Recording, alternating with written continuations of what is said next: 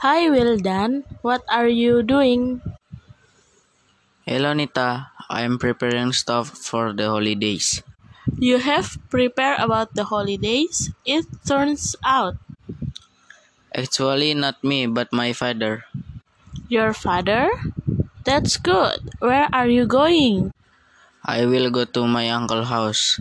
He has a fishing ground and swimming pool. Wow, must be very fun. I'm f- yes, I'm very excited. Oh yeah, what are you doing this holiday?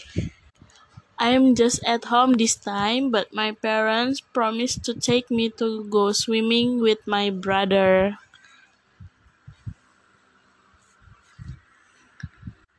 That's a lot of fun to Nita. You should enjoy the slide there a lot. Yes, you know very well I like slides, especially in water parks. Enjoy your holiday. Of course, you shall enjoy it too. I'm going home. Just continue your preparation. See you later. Okay, thank you Nita. See you again.